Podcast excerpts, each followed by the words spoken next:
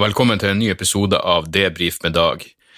Den første i vår herrens år 2020. Jeg er akkurat kommet tilbake fra eh, hjertesjekk. Eh, Hvis dere følger meg på Instagram eller Facebook, så vil dere se at jeg la ut et bilde hvor jeg ligger med med sånne EKG-måler på meg, og så det var faktisk en kompis som foreslo hei, jeg har lyst til å se et bilde av deg med eh, alle de jævla EKG-ledningene og i tillegg sovemasker på. Og når du kombinerer de to tingene, så ser det jo faen meg ut som, eh, som jeg ligger for døden. Og så det hadde jo en, eh, en viss eh, visuell effekt. Men eh, nå har jeg vært hos legen, og hjertet mitt er tipp topp.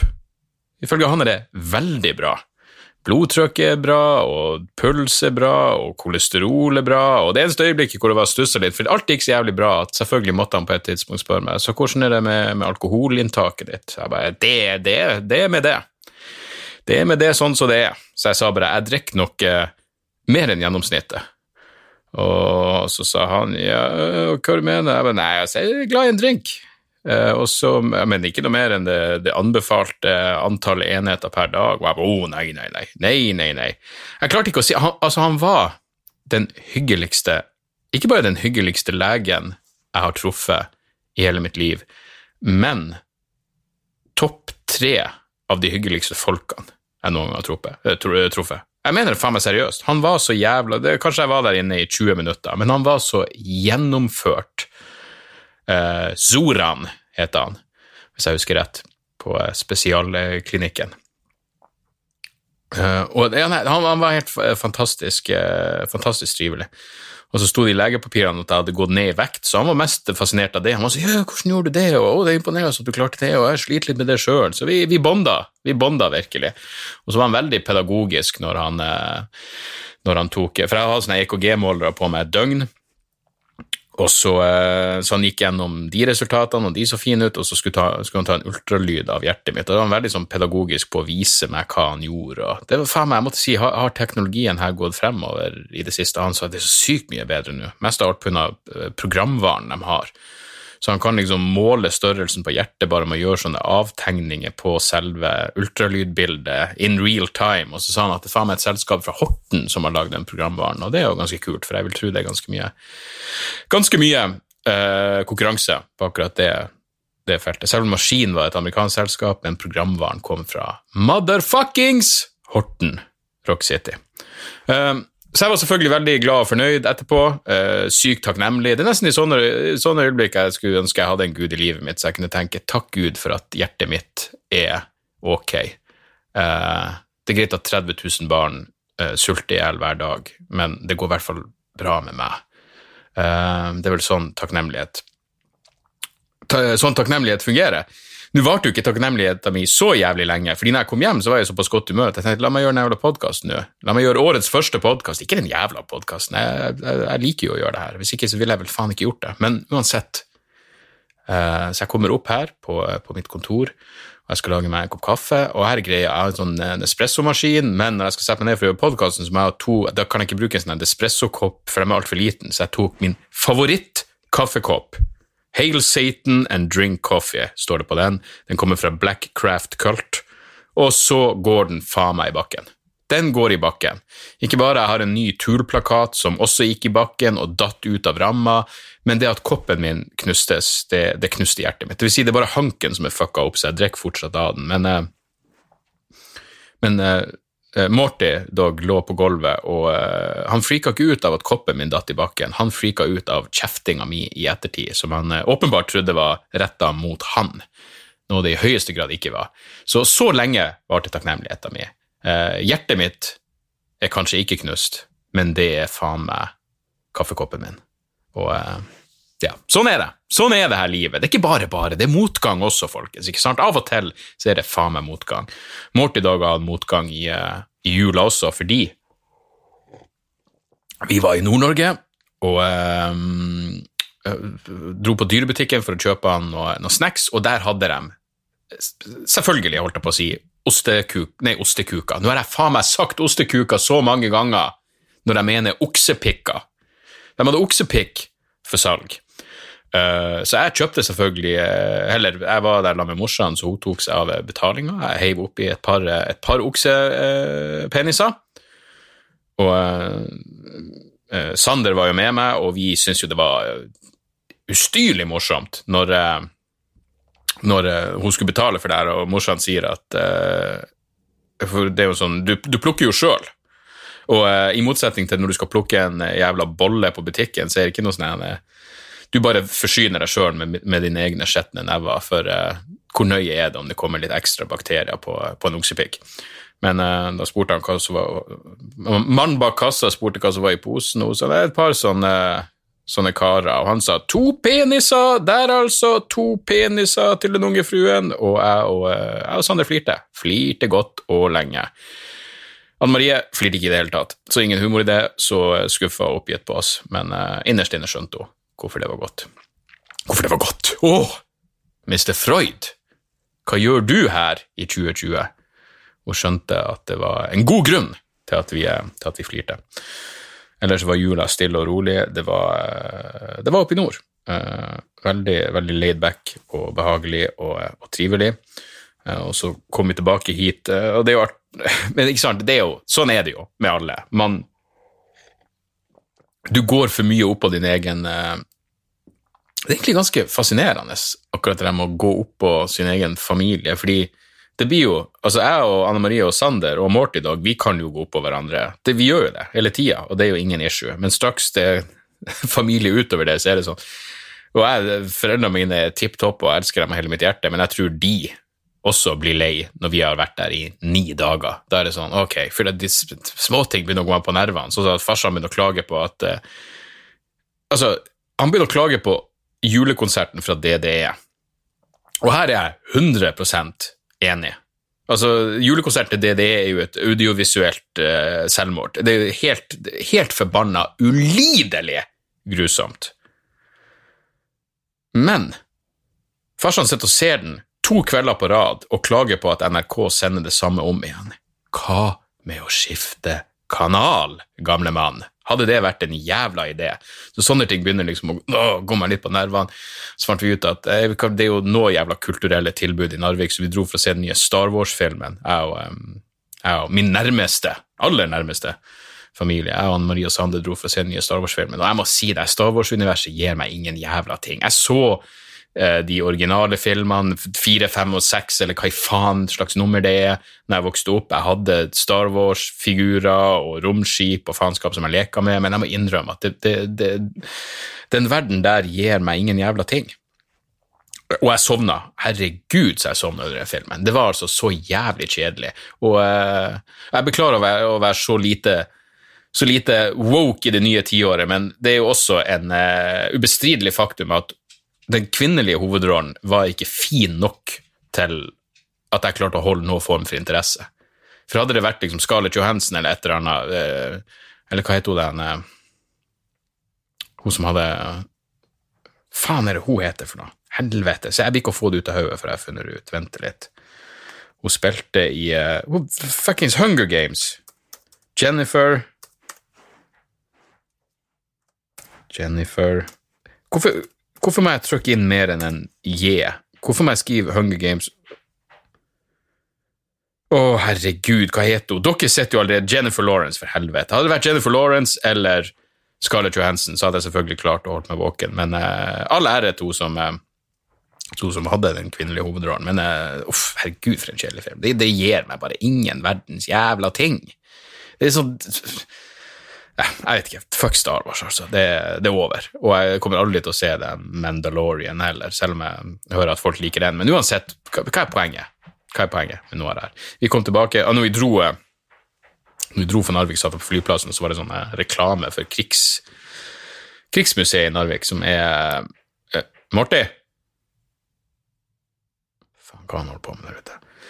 Krigsminnemuseet heter det vel. Eh, det var sånn reklame, som er et veldig bra museum. Det var bra før, og nå har de flytta det og, oppgradert det, og det er absolutt verdt en tur hvis du først er i Narvik.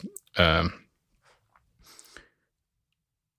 og ikke syns Narvik er deprimerende nok, så kan du ta inn over deg litt, eh, litt krigshistorie. Men på, når vi satt og venta på flyet, så kom det opp en reklame for Krigsmuseet. Der sto det 'Lær om Hitlers lær mer om Hitlers første nederlag.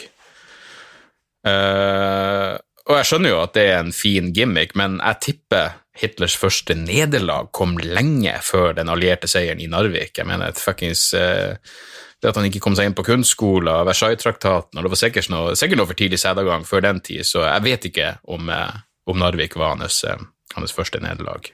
Men, men, uansett, vi, vi, var i Narvik, og så kom vi hit dagen før nyttårsaften.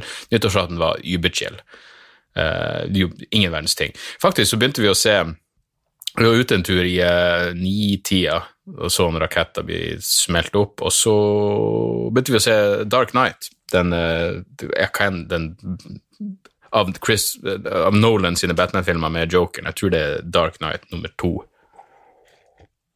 For jeg husker at jeg likte den best. Uh, nå hadde jeg og Grunnen til at vi endte opp med å se den akkurat nå, var at for et par år siden, kanskje, eh, kanskje bare ett år siden, så begynte vi, jeg og Marie å se den filmen sammen med Sander. Og det bankranet i starten, så sa Sander sånn Hvorfor, hvorfor uh, Han lurte på hva som foregikk, og så lurte, og sa han hvorfor skyter de vennene sine, siden de som raner banken, skyter eh, De fjerner daukjøttet under bankranet, så de som er med og raner banken, blir skutt av andre.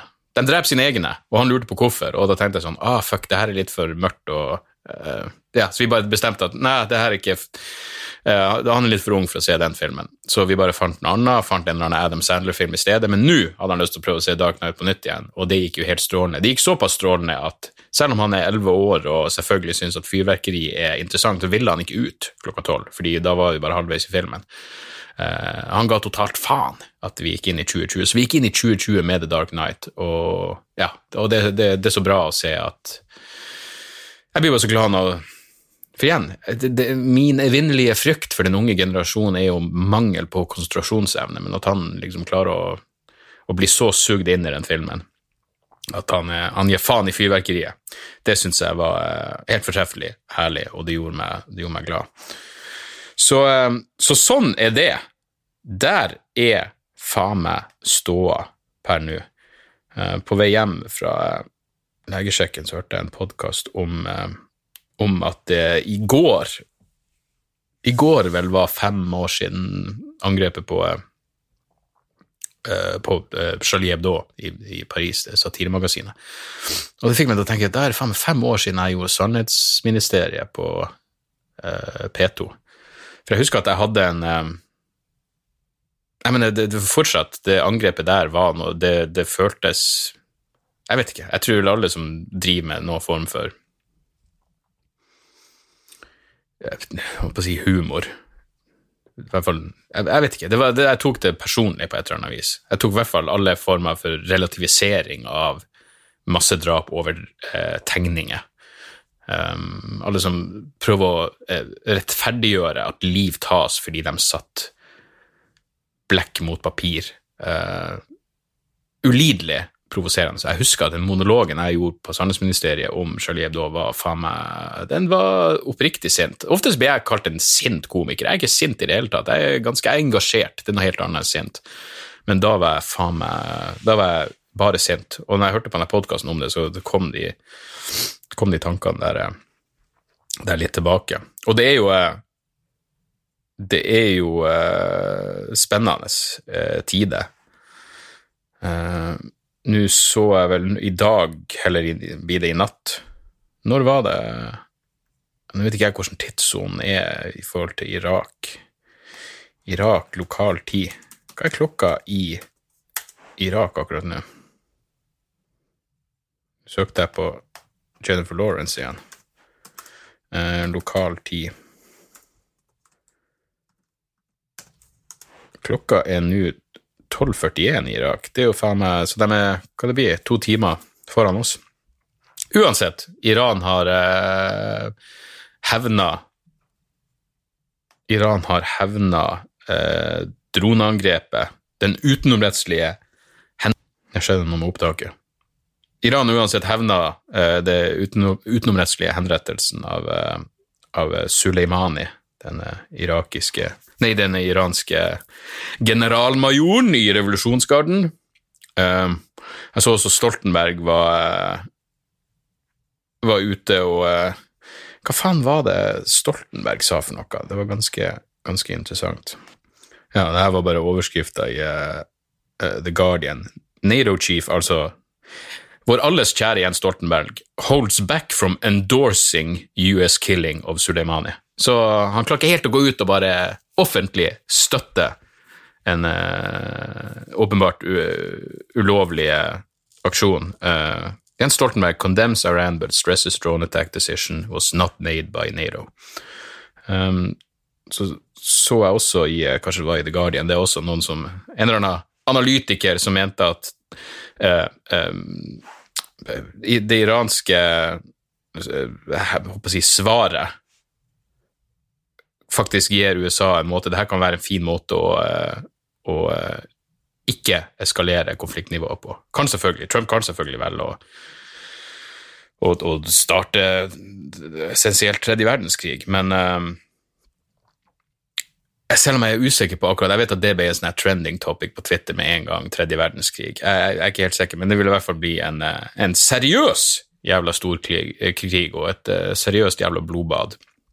Men at de nå har, fordi det var såpass moderat respons fra iranerne, i hvert fall hvis de lar det bære med med de baseangrepene um, som de gjorde i natt, går jeg ut ifra, uh, så, så, går det an å bare Begge kan uh, slå seg til ro med at å, vi er alle machomenn og, uh, og tøffe som faen og alt det der. Men det viktigste av alt er jo selvfølgelig at oljeprisene gikk opp som følge av Så jeg, jeg vet ikke hva det dro Hvis oljeprisene går opp, er det bra for miljøet da? Kjøper folk mindre olje hvis oljeprisene går opp? Jeg er usikker. Er droneangrep grønn?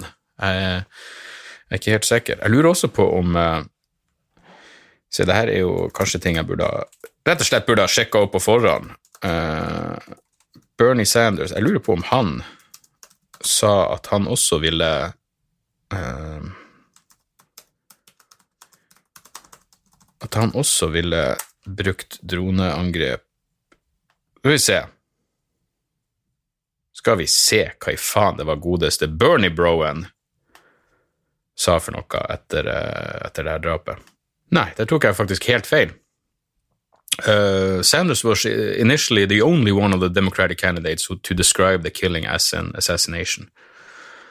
Uh, ja, så ok, så han tok, uh, han, han tok ei prinsipiell linje der. Og hør her, det er ikke som om jeg til tross for hva enn eh, kjæresten til Per Sandberg måtte si, så er jeg vel ikke akkurat i tvil om at Suleimani ikke var min type menneske. Uh, han ville vel, lå vel an til å kunne bli den neste iranske lederen, og, uh, og har vel relativt mye blod og undertrykkelse på på, si, på CV-en sin. Så, så la det være underforstått at jeg ikke jeg ikke forsvarer noe av det han har foretatt seg, selv om han visstnok var en ganske viktig deltaker i krigen mot IS. Eh, så er det ikke som om jeg har så veldig mye til overs for Iran. Jeg føler at hvis du ikke vet noe om meg, så bør det være underforstått at jeg ikke er noe fan av teokrati i, eh, i noen jævla former. Men jeg jeg vil av den oppfatninga at internasjonal lov, selv om den bare tilsidesettes og ignoreres av de mektige når de føler, for det er det eneste, altså det, det er det eneste måten vi har å prøve å holde, å holde mektige mennesker og institusjoner ansvarlig for sine handlinger på. Så, så det er jo et faktum at hvis du tenker at det er greit at USA utenomrettslig henrettelse en iransk general, så bør det også være ok at Iran utenomrettslig henrettelse en amerikansk general, eh, så fremst du ikke mener at USA har en unike rettigheter og, og er heva per definisjon over internasjonal lov eh, nå, eh, vel, alle amerikanske presidenter, i hvert fall etter, etter andre verdenskrig, ser ut til å ha trodd uansett. Så, så, det er bare det. Det er bare det jeg sier. Um, så nei, det skal bli spennende å se hvordan, eh, hvordan det her utvikler seg. Og så er det jo også Jeg vet ikke, det, hvor smart gjort er det egentlig av militæret å legge frem eh, for, I stedet for å si til Trump her er det vi burde gjøre, så sier de til Trump her vi har tre alternativ, og det siste alternativet er det mest ekstreme, og det er å bare myrde denne personen. Da gikk Trump for det, tror eller og sjokkerende nok.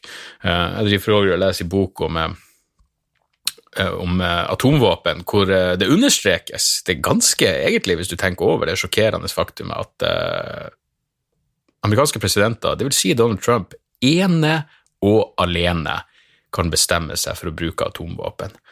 Han trenger ingen godkjenning eller tillatelse fra noen andre. Ene og alene han styrer den store, sterke atomknappen med kraftig pulserende blodårer, største atomknappen i verden, den styrer Trump ene og alene, og du må stole på uh, Det eneste som kan hindre han, er at noen i, uh, i, i, uh, si, i selve militæret nekter å adlyde ordre.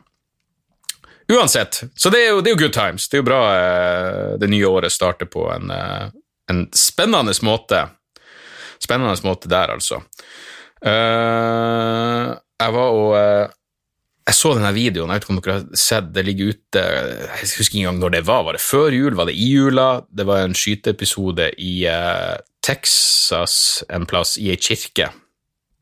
Hvor, og det ligger sånn overvåkningskamera hele, ja, ute på nettet som viser at han, han han eh, gjerningspersonen blir jo umiddelbart skutt, fordi faen meg alle i menigheten er jo bevæpna, selvfølgelig, fordi det er Texas, han blir tatt ut med en gang. Og for noen så ser det ut til å være et eksempel på at ting fungerer sånn som det skal.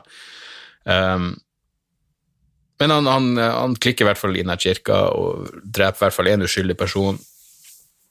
Og han tenkte jeg på når jeg var på møbelhuset her om dagen. Fordi det var en fyr Ok, så jeg skal ha to tepper. Det er alt jeg skal ha. Og det er Altså, det er ingen som jobber der. Det, det, er, det er på jobb på hele jævla avdelinga.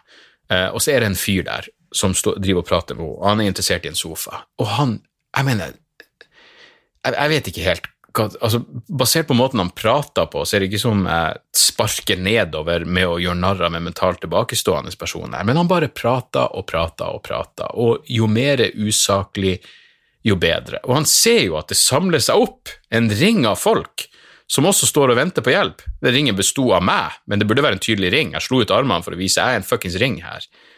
Det var jeg og fruen. Faktisk hun som, hun som omsider tok tok ansvaret her. For jeg, jeg, jeg, begynte å knytte nevene, jeg begynte å kjefte, for han drev bare opp 'Jeg hadde en sånn sofa før, ok, 44 000, ja ja, nei, men jeg kontakter deg neste uke'. 'Du stoler, jeg har egentlig ikke tenkt å kjøpe stol, men har dere noen stoler?' Sånn der fuckings fortsatte han. Og dama, hun var så Altså, livet hadde knust den her dama. Den her ansatte var jeg mener bokstavelig talt død på innsida. Så hun bare jatta med. Hun tenkte jeg, jeg er her til klokka tre, og hva enn som skjer i mellomtida, gir jeg totalt faen i. Jeg gidder ikke å, å, å, å, gjøre noe tegn på at denne fyren bør avslutte samtalen, så jeg kan hjelpe de andre. Men, eh, men Anne Marie hun gikk faktisk bort til dem og stilte seg ganske nært dem og bare stirra på dem. Uh, og det elsker jeg. Jeg elsker hun enda mer fordi hun gjorde det, fordi jeg har ikke det i meg. Um, men omsider så ble vi Han er helvetes jævla fyren gikk inn i en annen avdeling, fant vi ut etterpå for å fortsette de samme intetsigende jævla monologene sine med de ansatte. Og han er jo ikke der for å kjøpe noen verdens ting. Han skal ikke kjøpe noen ting, jeg kontakter deg neste uke. Det gjør du ikke, det vet vi fuckings begge. Slutt å lyge, for helvete. Vær nå bare ærlig og si at du har lyst til å snakke med folk, og derfor drar du hit. Det ville i det minste vært greit. Da kunne du kunne truffet meg på et eller annet mellommenneskelig nivå. I mellomtida så fikk jeg bare lyst til å ja, å gjøre som man gjør i kirke i Texas, tydeligvis. Men uh, men, eh, og, og, så, så, da er det vår tur, da, å få snakke med det her mennesket. Og, og på hele grunn til at vi måtte forholde oss til dem, var at, eller forholde oss til den ene ansatte på jobb, var at det teppet vi skulle ha, var det bare ett igjen. Det lå ikke under, så vi måtte ha selve det teppet som lå der, og det lå jo under tusen andre tepper. Og så hadde hun en eller annen teknikk for å få ut det teppet, så jeg begynte å vitse litt. oh, har du gjort det her før?' Og det var ingen, det var ingen reaksjon. Jeg prøvde å dra en vits til, det var ingen reaksjon. Det var ikke gullmateriale, det var ikke A-materiale, det var første gangen jeg prøvde det, men et lite smil, en liten anerkjennelse om at jeg prøver å lyse opp hennes åpenbart bekmørke dag, ble møtt med ingenting, og jeg tenkte det her er et knust menneske. Det er et knust menneske. Det er over for henne. Og så skulle hun hjelpe meg, så jeg sier sånn, ok, eh, er det mulig å få noe teip eller noe faenskap, siden jeg bare Jeg gidder ikke å spørre, er det mulig å få fem kroner avslag, siden det her tydeligvis er ei brukt matte? Ei utstillingsmatte. Men uh, det ville være for mye å be om. Så men jeg prøver å få, altså, jeg kan få teipa altså, Bare måten hun prøvde å teipe det jævla teppet på, var altså så inn i helvete halvhjerta. Hun, hun, hun, var et knust menneske. Det var ingenting der. Og jeg kunne hatt ja, Igjen, det var så vanskelig å ha Hvis hun bare hadde liksom sagt til meg, bare hviska, bare, bare drep meg, eller noe sånt, så kunne jeg forstått. Men det at hun ikke sa noen ting og bare stirra tomt på meg uansett hva i helvete så rart ut av kjeften min, det gjorde meg bare det gjorde meg bare enda mer trist. Og idet vi gikk, så så vi at nå var han den jævla fyren. Nå var han i bunnetasjen. Plutselig var han ikke interessert i møbler lenger. Nå var det lamper han var ute etter. Ja, ringer dere neste uke? Gjør du det? Er du sikker på det? Kan jeg, kan jeg fuckings ta ditt ord på at du ringer oss i neste uke for å kjøpe sofa, stoler, tepper og lampe? Jeg fuckings tviler. Jeg vet ikke om de har lampe på møbelhuset, men Ja, nei. Så, så sånn var nå for helvete det. Hvor lang tid har vi holdt på her? 25 minutter. Se her. Tida flyr når man, eh, når man koser seg. Når man prater om gode minner. Eh, så ferdige Det var før jul, så ferdige Watchmen. Fy faen, det var altså fuckings kvalitet. Helvete, Watchmen var bra. Og igjen, jeg vet ingenting om det universet, men det her er et interessant univers. Jeg har aldri lest tegneseriene. Jeg har sett de, de to filmer de jeg har sett før, men det her var jo en helt annen jævla kvalitet. Og så liker jeg at alt ga mening til slutt også. Jeg forsto. Det, det, det, var bygd opp på en måte som gjorde ah, ok, det her gir faen meg mening. I motsetning til Castle Rock-serien, som også er på HBO, så bare sugde mer og mer. Til slutt så var det sånn, det var, det var et plikkløp. Det var sånn, ok, nå er, nå, nå er, det to episoder igjen av sesong to, og vi har sett alt frem til nå. Vi må bare se ferdig den mannskiten, men helvete for en eksepsjonell nedtur det tok. Uh, og Castle Rock var jo egentlig bare terningkast fire i utgangspunktet, så jeg vet da faen. Um, jeg har lagd noen lister. Du, jeg holdt ordet med spilleliste. Jeg lagde ei spilleliste på Spotify med mine favorittlåter i 2019. Den heter Debrif med Dag beste låter, eller noe sånt. Den er offisiell, den er der ute. Så de av dere som ba meg gjøre det, fuckings gå og hør på den. Sett den på shuffle. Det er ikke noe spesiell rekkefølge, annet enn at jeg la The Fall av Cult of Luna først, fordi det er min favorittsang i år. Men, eh, men det er alt der. Det er, det er alt fra eh, necro black metal til eh, country. Så, så det er mye gull. Mye jævla gull der. Og jeg lagde ikke noe ja, Så jeg, hadde, jeg lagde en, mine, mine favorittplater og min favoritt Mine favorittbøker. Så det ligger hvis du, hvis du, er interessert i det, så ligger det på min Instagram-konto. Jeg lagde ikke noe for film og dokumentarer, fordi det ble bare ikke tid, og så hadde jeg ikke sett uh, Jeg hadde ikke sett uh, Joker-filmen, som jeg nå har gjort, og det, den var jo faen meg Altså uh, jeg sett de to første Jeg har sett mye greier, merker jeg, men jeg sett de to, de to episodene som er ute av den 22. juli-serien. Eh, på NRK. Det er et eller annet Det, det, det, eh, det, det rører Der begynner jeg bare å, å, å, Ja, den 22. julescenen, den er bra lagd, og jeg liker den, um, den måten uh, det, skal understreke alle de som får fuckings samfunnet til å gå rundt, og hva nedkuttinger her og der, uh, hvilke konsekvenser uh, kutt i tjenester faktisk har. jeg liker den, jeg liker den vinklinga. Uh, og så begynner jeg bare å jeg begynner å sippe. Det er sterke følelser, selvfølgelig. Men poenget mitt var bare at uh, det er en parallell mellom 22. juli-serien og Joker-filmen. For i Joker-filmen er det jo også det at det er nedskjæringer som gjør at det her åpenbart mentalt syke mennesket ikke får den, den hjelpa han trenger. Og fy faen, jeg elsker Joker-filmen. Jeg skjønner at den har visstnok splitta splitta publikum. Enten elsker du den, eller så hater du den, og jeg fuckings elska den. Det var som en blanding av Taxi Driver og Requiem for a Dream. Um, fantastisk. Og helvete så Jeg mener, er det her virkelig samme fyren som har lagd Hangover-filmene? Som har lagd Joker? Nei, det var fortreffelig. Selvfølgelig sinnssykt bra skuespill av, uh, av godeste Mr. Phoenix, uh, og, uh, og, selvfølgelig Robert De Niro er der, Mark Maron dukker opp, men Nei, den, den var uh, virkelig fortreffelig. Og så jævla Så sinnssykt ukommers. Altså så jævlig mørk og nedbrytende og, og deprimerende, men samtidig Jeg, jeg vet da faen. Dypt menneskelig. Nei, det var Joker-filmen var, var, helt utrolig, så det var min favorittfilm i 2019, sammen med uh, Once Upon a Time in Hollywood. Så bare Herregud. Åh. Det, det, det, det morsomste jeg har sett på film i år, er den siste delen av Once Upon a Time in Hollywood, uh, når, det blir, når, det blir, litt liv. Det var uh, sykt gøy. Fantastisk bra filmer. Og sjekk ut det, det intervjuet med Leonardo DiCaprio og Brad Pitt i lag på Mark, Mark Maron sin podkast. Det var faen meg en Det var en interessant samtale. For det er jo noe med, som han sier, det er liksom eh, For jeg, jeg, jeg tror ikke jeg er en sånn starstruck type. Jeg har liksom møtt Jeg, jeg vet ikke. Jeg, jeg vet ikke om jeg noen gang har vært starstruck. Jeg har jo truffet folk jeg beundrer, altså komikere jeg beundrer og, og, ser opp til og sånn. Og jeg kan huske når jeg traff standup første gang i, i ja, år siden, så var det jo et enormt stort øyeblikk for meg, siden han er min favorittkomiker. Men jeg husker en gang jeg uh, jeg, jeg, var in, jeg, var i Amsterdam i Det må ha vært i fjor uh, for å se standup, og så endte jeg selvfølgelig opp med å fylle bo på hotellrommet hans. Og så, så var det selvfølgelig noe fylleprat om ja, om det å være, om det å være starstruck, og så, og så prata han om eh, For standup kjenner jo Johnny Depp, og så prøvde liksom og så sa standup at du blir fucking starstruck av John Depp, og så prøvde jeg å si jeg, jeg vet ikke, jeg tror ikke jeg er typen som, som blir starstruck. Og så sa bare standup du ville blitt starstruck av Johnny Depp. Og uh, jeg har jo ikke noe motargument mot det, og det er jo helt sikkert sant også. Jeg har aldri truffet ei jævla filmstjerne før. Uh, men det, altså, poenget mitt var bare at det var interessant med Mark Maron-podkasten, at han uh, han er jo åpenbart starstruck og innrømmer jo hvorfor, og det gir jo total mening. Og så uh, klarer han allikevel å få det til å bli en jævlig, jævlig fin og, og, morsom samtale. Så, så den, er, den, er, mer enn verdt å, å sjekke ut. Oh, jeg hadde flere ting på lista her, men vi må bli Vi må komme oss videre. Hva faen er dopingkontroll i sjakk? Hva det betyr?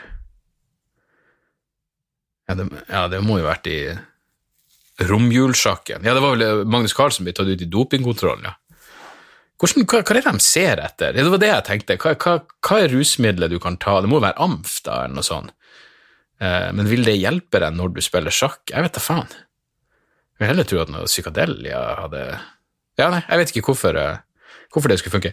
Klassekampen i dag, i sine uendelige visdom og i sine aktive kampanje mot rusreformutvalget, Uh, fordi her er greia med Klassekampen. Uh, de, de, de, vil ha en rusreform for å hjelpe de tungt belasta narkomane, de såkalte problembrukerne, men de har ingen prinsipiell tankegang rundt at folk som bare bruker rusmiddel uten å ha et problem med det uh, De har ingen forståelse for at, at det, handler om personlig frihet og autonomi og alt det der. men da skriver Og så gjentar jo Aftenpå, eh, Klassekampen som For det er det de gjør. Det er liksom, Her kommer det et forslag, et, et, et, et forslag på rusreform som virkelig gir meg håp, og som gjør at jeg kommer til å stemme Venstre om jeg så må. Og så er det så jævla, så sender de han, kan heter han, Jo, han i Trondheim. Klassekampen sender han for å snakke med to narkomane i Trondheim som tror at det kan bli mer folk som prøver, prøver narkotika hvis uh, rusreformen får gjennomslag. Ja, dere føler det. Hvilken relevans har det? Dagbladet har det samme. Å, vi frykter at det kan bli flere som bruker narkotika. VG det samme. Vi frykter at flere kan bruke narkotika. Aktis frykter. Norsk Narkotikapolitiforening, de frykter flere kan bruke narkotika. Deres følelser har vel da fuckings ingen relevans akkurat nå, og Klassekampen i dag, Mari Skurdal, som er redaktøren i Klassekampen, avslutter med Norge kan få en rusreform som gjør at flere bruker narkotika.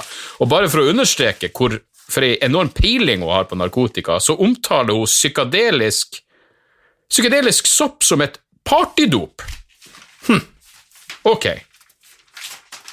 Jeg vet, baserer hun det på egen erfaring?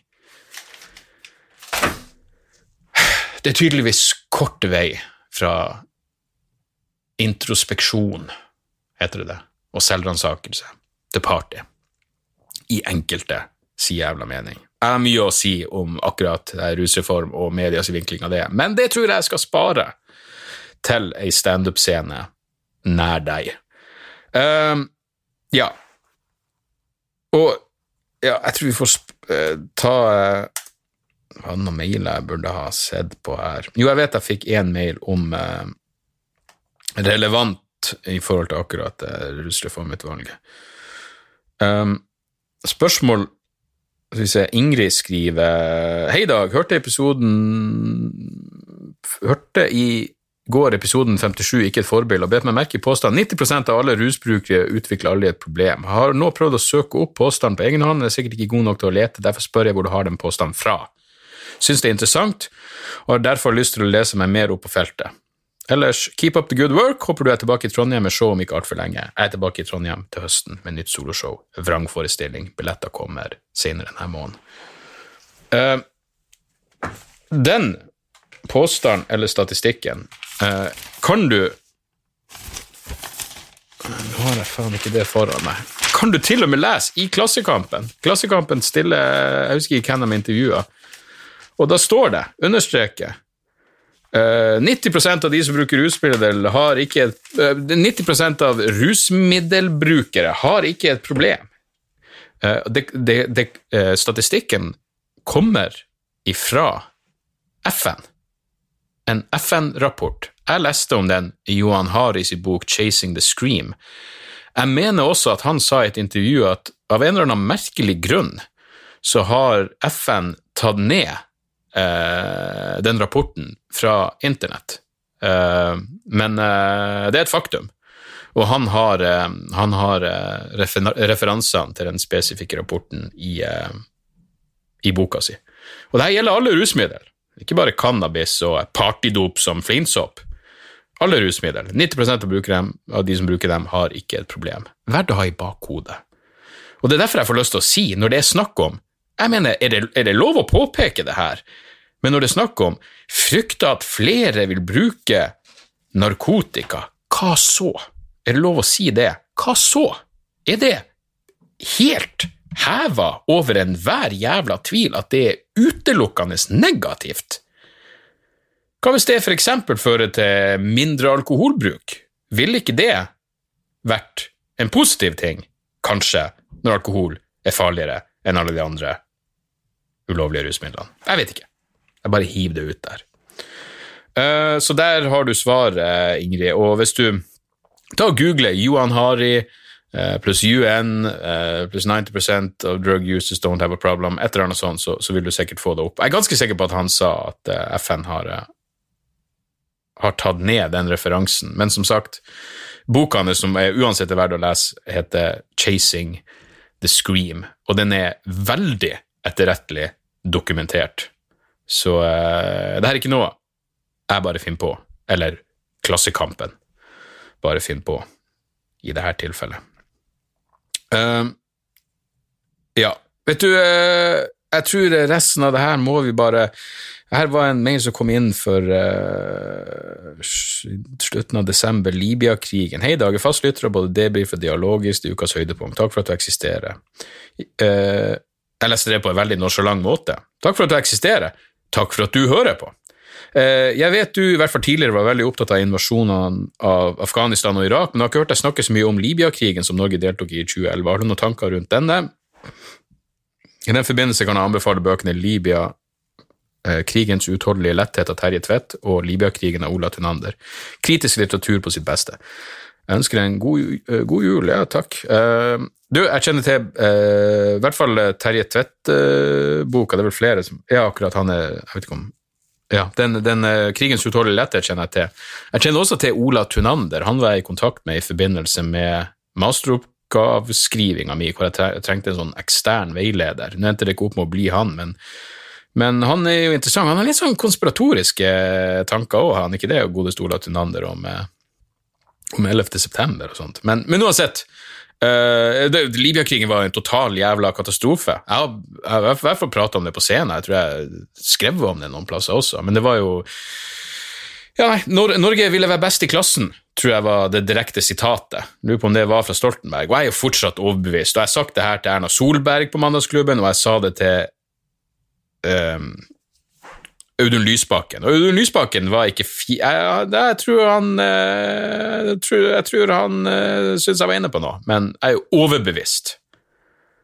om at grunnen til at Norge hadde en så jævla pumpende ereksjon for å være med i angrepet på Libya, var at Stoltenberg hadde ambisjoner om å bli Nato-sjef. Og det funka jo, åpenbart. Norge var best i klassen og slapp jo faen meg Og her er det, og det her vitser jeg på scenen. Det ligger en greie på, på YouTube hvis du Uh, hvor jeg prater om uh, uh, at jagerfly, norske jagerflypiloter måtte finne sine egne bombemål. De måtte fly inn over et, et, område som var like stort som Trøndelag, og bare finne noe bombe. Og så lurer vi på hvorfor det ikke funka sånn som det skulle i alle tilfeller. Der destabiliser destabiliserte jo Libya og bana vei for, for IS i, i Nord-Afrika, alt det der. Så ja, nei, ingen, ingen fan av, av, den krigen heller. og igjen, betyr ikke at Gaddafi var noe kjernekar, noe han på ingen måte var. og jeg har full forståelse for at han ble drept av den mobben som stakk et kniv opp i rassholdet hans. Uh, men i motsetning til Hillary Clinton så så jeg ikke det opptaket og syntes det var morsomt. Hun flirte jo litt. Husker du, Hillary Clinton sa uh, We came, we saw, he died. Og så flirte hun godt for seg sjøl, uh, eh, fordi hun er et uh, veldig samvittighetsfullt menneske som tar inn over seg konsekvensene av det hun, hun gjør. Uansett, det var, det var månedens første episode. Månedens første episode, ukas første episode. Du, kan dere tenke Ja, nei, det, det kan vi ta senere. Et par kjappe tips. Nå har jeg nevnt ting. Se nå for faen Joker-filmen, se Once Upon a Time in Hollywood, se 22. juli-serien. Jeg var på Rockefeller i overgård og så de to første episodene av Mannen som falt, den Wiborg-dokumentarserien på TV Norge som virker veldig interessant.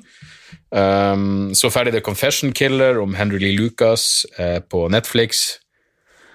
Verdt å se. Um, Særlig hvis du er kjent med Thomas Quick-fadesen, så er det Henry Lucas fant jo bare på. Han drepte vel kanskje mora si, og that's it, men tilsto på et eller annet tidspunkt rundt 600 drap.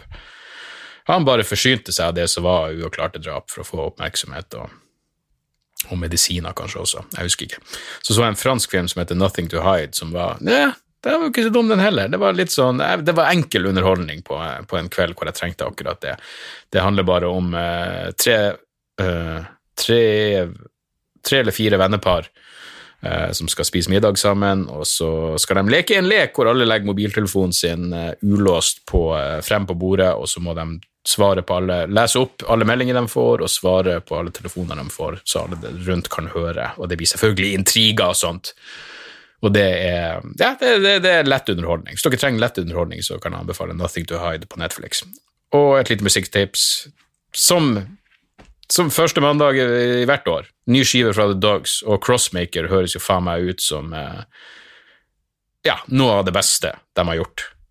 Rett og slett ei fuckings knallskive. Jeg brukte jo Lie to Me som eh, introlåt på eh, demokratiturneen min, og det er fy faen det er mye rått på denne her nye skiva også, så, eh, så sjekk ut den nye skiva til The Dogs.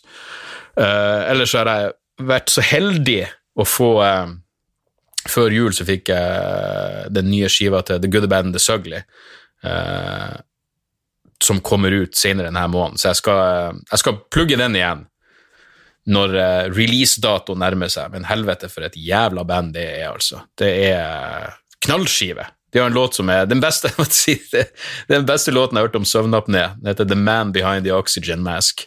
Og uh, traff meg jo rett i mitt velfungerende høyst oppegående hjerte. Så, uh, så, ja.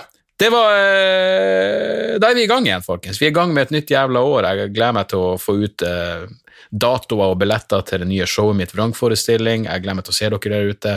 Jeg gleder meg til å skrive noen nye jævla vitser, eller jobbe med det materialet jeg har. ja. Jeg, jeg føler meg bra. Til tross for min knuste kaffekopp. Og, det, og, jeg ser den hanken, det er bare hanken som er knust, men den er knust på så mange plasser at Hva faen skal man gjøre? Hva faen skal man gjøre for noe, folkens? Sånn er livet. Beinhardt til tider. Uh, spørsmål, innsigelser, alt det der kan dere sende til debrief at gmail.com. Takk for at dere hører på. Vi høres snart igjen. Tjo og hei!